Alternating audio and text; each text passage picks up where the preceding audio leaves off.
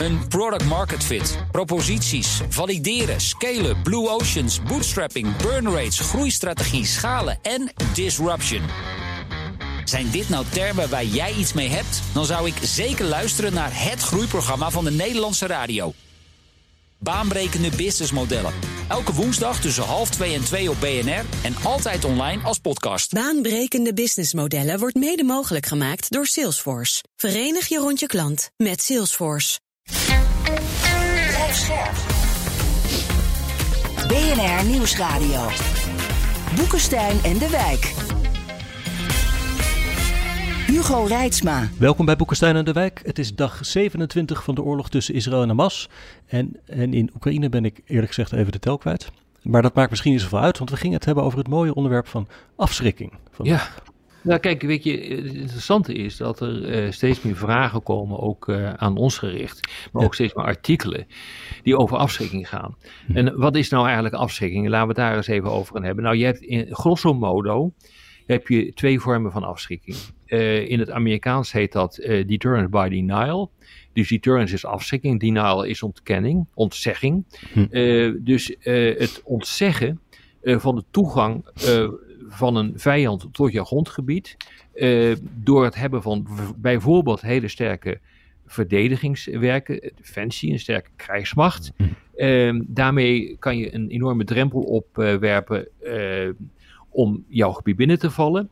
Dan moet de tegenstander die maakt een kostenbatenanalyse en dan ziet hij hoe sterk bijvoorbeeld de NAVO is. En dan denkt Rusland of welk ander land dan ook, nou even niet, dat doen we maar niet. En dat, als hij denkt van dat doen we maar niet, dan is um, de afschrikking geslaagd. Dan is succesvol geworden. Hm. De andere is um, afschrikking door middel van straf, deterrence by punishment. En dat is rechtstreeks afkomstig uit het, uh, het nucleaire denken. Uh, dit is het idee dat wanneer een land toch onverhoopt uh, binnenvalt, je met kernwapens of Tegenwoordig kan dat waarschijnlijk ook met conventionele wapens, lange afstandsraketten om maar eens wat te noemen.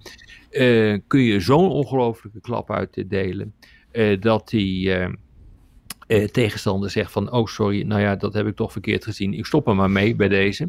Ja. en dan is, de afschrikkings, is het afschrikkingsevenwicht weer hersteld. Nou dit zijn theorieën die gaan terug diep in de Koude Oorlog, zijn direct gekoppeld aan het hebben van, van kernwapens. Uh, langzaam begint dat te evolueren, ook in de richting van conventionele defensie, dus niet nucleaire defensie. Uh, maar dat afschrikkingsdenken is natuurlijk gewoon cruciaal. Dat speelt zowel een rol in Oekraïne, hm. waar men probeert om Rusland ervan af te schrikken om de NAVO binnen te vallen. Hè, er mhm. zijn allerlei rode lijnen eh, die ervoor zorgen dat eh, Rusland niet het NAVO-gebied eh, gaat raken. Maar het speelt ook bijvoorbeeld in, in Israël, waar je probeert om een, een grote oorlog af te schrikken, waar Iran, Hezbollah bij betrokken is. Dus dat afschrikkingsdenken, dat ligt hier helemaal dik onder. En het is echt ontzettend belangrijk om te begrijpen hoe dat werkt. Want dan snap je ook namelijk, als je dat begrijpt, waarom uh, Biden, waarom Poetin, waarom Netanyahu, maar ook waarom de Ayatollahs in uh, Iran handelen zoals ze handelen. Was in de NAVO ook niet een discussie van dat, dat uh, aan de oostflank van deterrence by punishment naar deterrence by denial moet gaan? Dus dat het afschrikking ja. niet meer is van als de Russen binnenvallen, dan kunnen we ze hard terugslaan. Maar dat ze als ze binnenvallen niet zullen slagen. Dat klopt, maar dan moet je dus wel de troepen voor hebben. Ja. En uh, dit is iets wat uh, speelt in het kader van uh, de Baltische Staten. Hm. het probleem is dat die Baltische Staten zo klein zijn dat je daar nooit een zeer geloofwaardige grote conventionele troepenmacht neer kunt zetten. je kunt, wat je wel kunt doen is gewoon onder de grond gaan en een, een, een partisanenstrijd beginnen. Dat doen ze trouwens ook in de bezette gebieden in, in Oekraïne. Uh, maar de grote vraag is natuurlijk of dat voldoende is uh, om een echte geloofwaardige afschrikking te hebben. Ik vraag het me af. Nee, ik denk dat wat we op dit ogenblik zien in Europa is, we hebben onze krijgsmachten de afgelopen 30 jaar zo ongelooflijk verwaarloosd. We zijn niet in staat om voldoende industriële capaciteit uh, op, uh, op te bouwen. dat we zo zwak zijn dat er geen andere keuze is dan als er ooit een inval komt, een invasie komt van Rusland in een van de Baltische staten, dat kernwapens al heel erg snel in beeld gaan komen. En, dat, en dat, is, dat, dat is het directe resultaat van het verwaarlozen van je conventionele defensie. Want dan kan je namelijk niet meer die, die deterrence by punishment, bij, uh, dus door ontzegging, uh, kun je geloofwaardig inzetten. Ja. Laten we nou die afschrikkingstheorie gewoon eens toepassen op Israël. Hè? Dan worden ze nog ja. helderder, want daar spelen ze ook allemaal een rol. En dan moet je bedenken van, uh, eerst heeft Israël geprobeerd met bezetting. Hè? Weet je nog in het verleden, Libanon 1982 en 2000 zijn ze hebben ze zich teruggetrokken. Dat werkte. Bezetting werkte dus niet. Hè. Gaza-strook 2005 weg. Toen hebben ze dus gekozen, was alleen nog maar afschrikking was er over. Hm. Nou, hoe ging dat dan? Eerst uh, afschrikking by denial, door ontzegging. Hè? Nou, dan heb je dus bijvoorbeeld een hek nodig of het Iron Dome. Hè? Hm. Nou, we kunnen dus nu vaststellen, die de hek en de Iron Dome heeft 7 oktober niet kunnen voorkomen. Hè? Want ze gingen er gewoon doorheen, als het ware. Iron Dome heeft, is behoorlijk effectief, maar kan niet alles natuurlijk uit de lucht uh, halen. Nou, toen, dan, dat is dus jammer, dat, is, dat heeft dus gefaald, dat is belangrijk. Nou, afschrikking bij punishment, hè? Dus als er dus agressie kan dan plaatsvinden, maar dan moet je het dus straffen. Nou, dat heeft Israël gedaan door proberen de leiders op te sporen en die uit te schakelen. Nou, het is dus de vraag of dat lukt. Dat doen ze al eigenlijk tientallen jaren. Ze zijn er overigens behoorlijk goed in, maar het zal bij Hamas met die paddenstoelentheorie nog niet meevallen, want als je de vaders vermoordt, dan gaan de zonen staan op. Hè? Nou, de militaire assets kan je uitschakelen, daar zijn ze natuurlijk wel goed in, maar ja, door de tunnelsysteem is dat ook heel lastig. En er gaan natuurlijk veel onschuldige burgers komen daarbij om. Dus eigenlijk als je het allemaal tot je door laat dringen, is dus die oude wereld van afschrikking, heeft de ellende van 7 oktober niet voorkomen. Hè? En dat betekent dus dat je on, of je het nou leuk vindt of niet, dat je toch ook naar andere strategieën moet kijken. En dan kom je dus weer bij die politieke uh, verhalen met uh, Mosul, weet je wel, Shia-Sunnis, dat was heel belangrijk. En natuurlijk de twee-staten-oplossing. Hmm. Dus, die, dus het, de, ironie is eigenlijk dat datgene wat Israël heeft proberen te voorkomen, een twee-staten-oplossing, door Hamas en ook uh, de, de Palestijnse autoriteit maar uit te spelen, dat komt nu terug omdat hele nuchtere analisten, coole analisten straks gaan zeggen van ja, die militaire benadering, dat is toch ook geen duurzame oplossing. Klopt. Ja. Nee, de afschrikking heeft gefaald in, uh, ja. uh, in Israël. En uh, wat ook denk ik erg belangrijk is, uh, incentives, prikkels tot goed gedrag en afschrikking gaan absoluut samen. En wat je nu ziet is dat de afschrikking ook niet hersteld kan worden, omdat er volledig voorbij wordt gegaan aan het feit dat je eigenlijk ook prikkels voor goed uh, gedrag uh, nodig hebt. Hm. En, en dat betekent dus dat je de afschrikking alleen maar weer geloofwaardig kunt maken als je het vergezeld laat gaan van een politiek uh, proces. Ja. Um, maar zover is Israël op dit ogenblik nog niet. Hm. Dat is, dat is, een heel belangrijk punt, hè, Rob. Van je ziet als je dus, ik zit er veel naar te kijken. En het Israëlische volk is, is wanhopig, is ontzet, is in shock. Uh, de Israëlische politiek ook. Hè. Ze rally around the flag. En dus Netanyahu heeft eigenlijk helemaal geen ruimte om ook nog iets uh, van uh, een politieke oplossing te bedenken. Terwijl dat juist in deze situatie onvermijdelijk is. Hè. Ja. En dan, met andere woorden, ik ben zo benieuwd hoe dit dan gaat. En hoe snel dan, of hoe langzaam die onvermijdelijke draai gaat komen. Hm. En dan dus maar nog even terug naar afschrikking. Hè? Uh, ja. Dus uh, deterrence by denial, dus door middel van het ontzeggen, dat is gewoon mislukt. Ja. Punishment, kernwapens, dat kan niet met betrekking tot Hamas. Uh, maar als je kijkt naar Hezbollah, Hezbollah is onderdeel van het uh, politieke systeem van Libanon, is dus feitelijk veel meer een statelijke actor. Daar spelen dus hele andere uh, discussies een, een, rol en daar kan punishment weer wel. dus dat is, hm. dat is vrij complex, maar Hamas is gewoon echt een, een, een, een, een andere factor. Uh, en dat is ook een ander soort oorlog uh, die, je daar, uh, die je daar voert in, in de Gazastrook. Dan wanneer er een, de, de pleuris uitbreekt in het noorden van het land, dan wordt het veel meer een interstatelijke oorlog. En daar spelen dus andere rollen en klassiek. Afschrikkingsdenken speelt daar een veel belangrijke rol in dan bij Hamas. Exact, want Hamas heeft ook een politieke tak. Hè?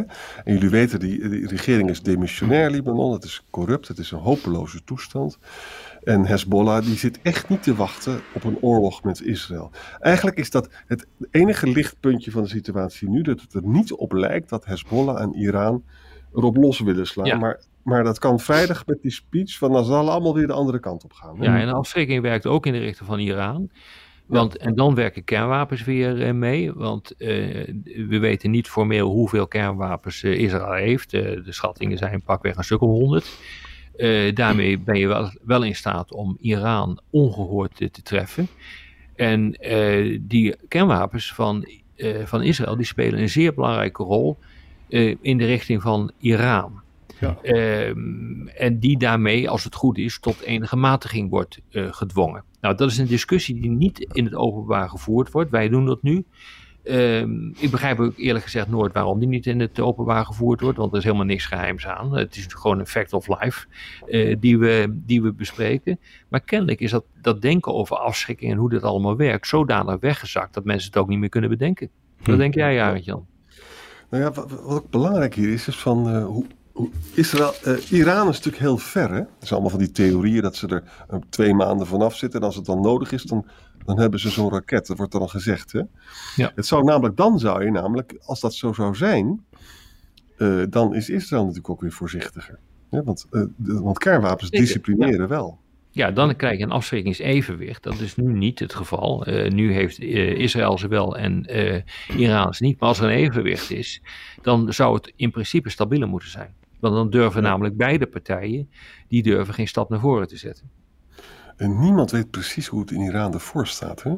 Nee, het is ja, één of twee maanden inderdaad. De, de, die outbreak-periode is ongeveer uh, dat, als ik uh, de echte experts op dit gebied moet geloven. Ja, je weet dus niet of wat er nu gebeurt voor Iran een prikkel is om nu die periode waarover ze kunnen beschikken eh, korter te, te verminderen, te korter, korter te maken. Ik zou het niet weten op dit ogenblik. Ja.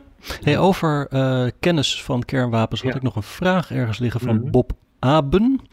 Die uh, zegt: Ik heb jullie meermaals horen zeggen dat de jonge generatie, waar ik toe behoor, zegt Bob, die de Koude Oorlog niet heeft meegemaakt, niets begrijpt van kernwapens en afschrikking. Door het ontbreken van deze basiskennis zie je overal Twitterhelden die vinden dat het Westen er maar op los moet slaan zonder dat ze begrijpen dat er een escalatieladder is en wat het zou betekenen als Rusland echt kernwapens in zou zetten. Zouden jullie iets kunnen doen voor onze basiskennis over kernwapens en afschrikking? Nou ja, dat hebben we feitelijk natuurlijk nu net uh, gedaan ook. Hm. Door uh, dat onderscheid te maken tussen uh, afschrikking door middel van het ontzeggen van het de toegang uh, door een eh, tegenstander uh, of door, door middel van punishment, dus straf. En dan kom je heel snel terecht bij, die, bij kernwapens. Um, ja, je moet beginnen te erkennen dat dit een rol speelt. Ik, hm. Het interessante is, ik, eerder deze week gaf een college. Toen heb ik gevraagd van wie ziet nou het gevaar van de inzet van kernwapens? Nou, dat was bijna niemand was echt een zeer, zeer, zeer kleine minderheid die dacht van.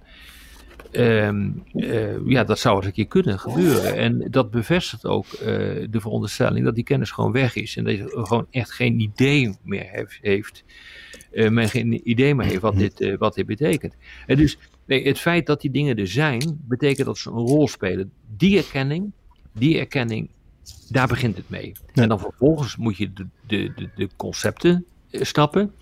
Um, en dan kun je daarmee gaan spelen. Daarmee kan je dus ook uh, bepalen uh, hoeveel risico een tegenstander zal durven te nemen hm. om tegen jou te ondernemen. Want dat, het gaat altijd om kosten-batenanalyses. Ja, dus die, die, die, een kernwapen, die schroeft de kosten zo hoog op dat er geen baten meer zijn.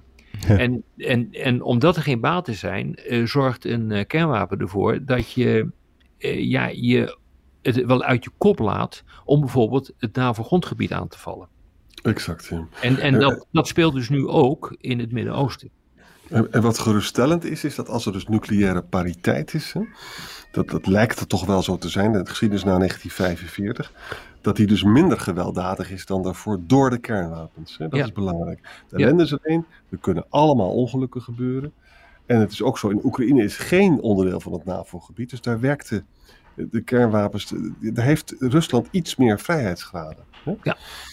Uh, en, uh, en, en, en, en, als je naar het Midden-Oosten kijkt, Israël heeft het dus wel en Iran waarschijnlijk nog niet. En dus heeft Israël iets meer vrijheidsgraden. Mm -hmm. En het zou stabieler worden als inderdaad Iran een kernwapen zou hebben. Maar dan moet je het ook nog op ballistiek, dan moet je het ook nog op een raket kunnen zetten. Ja, En dan moeten ze in Iran ook rationeel handelen. Wat je natuurlijk met die Ayatollahs misschien niet helemaal zeker weet. Uh, die kunnen ook zeggen, dan gaan we naar het paradijs. Dus dat is alleen maar meegenomen. Nou ja, dat is dus echt een groot probleem. Als je dus dat soort types tegenover je hebt die het gewoon niet interesseert. Omdat ze op, om, op basis van ideologische redenen zeggen van ja, ik, dood maakt niet uit. Dan heb je een probleem. Dan werkt het hele afschrikkingsdenken niet meer. Dan, dan valt de theorie een beetje in duigen. Dan valt de theorie totaal in. Dit, Dat is wel een goed punt. Dit, dit gaat echt uit die theorieën van rationeel opererende staten. Ja. En actoren in algemene zin. Ja, als de persoon achter de rode knop niet rationeel is, dan heb je een groot probleem. Ja. Overigens heeft Iran ook bij verschillende gelegenheden wel rationaliteit. Uh, ze, ze, kunnen zich ook beheersen hoor, de imams. Nou, dat doen ze nu ook. Ik bedoel, het, lijkt tot nu toe lijkt het nog redelijk rationeel. Maar wat we gisteren ook hebben gezegd, het kan natuurlijk ook door een of andere ontwikkeling een, een, een trigger krijgen. Eh, waardoor het in één klap wel uit de hand loopt. Ja. Nog even een stapje terug weer zat ik te denken, kan deterrence als concept ook een verklaring zijn voor wat Israël nu aan het doen is in de Gazastrook? Want we zaten eerder met allemaal militaire experts een beetje te twijfelen aan van ja, wat Israël zegt, Hamas wegkrijgen, dat kan waarschijnlijk militair helemaal niet. Maar kan het dus zijn dat ze gewoon zo hard proberen op te treden dat ze die afschrikking door straf weer op peil krijgen. Door gewoon, zo, ja, gewoon eigenlijk gewoon totaal te overreageren. En niet meer te letten op, op burgerdoden en dat, die hele strook plat te gooien. Dan heb je toch wel weer een stukje geloofwaardige afschrikking terug misschien. Ja, absoluut. Nee, maar dat zit er ook achter. Ben ik ook van overtuigd dat het zo is. Ja, en de experts zeggen ook, ja, we kunnen inderdaad niet uh, die ideeën van Hamas elimineren. Maar wat we wel kunnen doen is tijdelijk de offensieve capaciteit van Hamas verminderen. Dan geven ze dus toe dat het een tijdelijke aangelegenheid is. Hè? Hm. Nou ja, ja, en de, de klap is zo hard dat je dan hoopt dat een toekomstige leider van Hamas of wie dan ook het niet in zijn kop haalt om dit nog een keer te doen. Ja. En dus in die zin uh, heeft Hugo absoluut uh, gelijk. Hiermee ben je dus ook in staat, als het goed is, om de afschrikking te herstellen. Ja.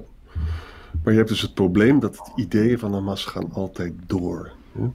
Dus je moet echt ook een, een parallel een politieke, politiek verhaal hebben. Dat ja, is maar goed, uitweg. Maar goed, ook al gaat, het, gaat die ideologie door, uh, je kunt natuurlijk ook denken van oké, we hebben wel zo'n ideologie, maar dit niet nog een keer. Ja, ja. En dat is denk ik het idee wat hier ook achter zit. Ja.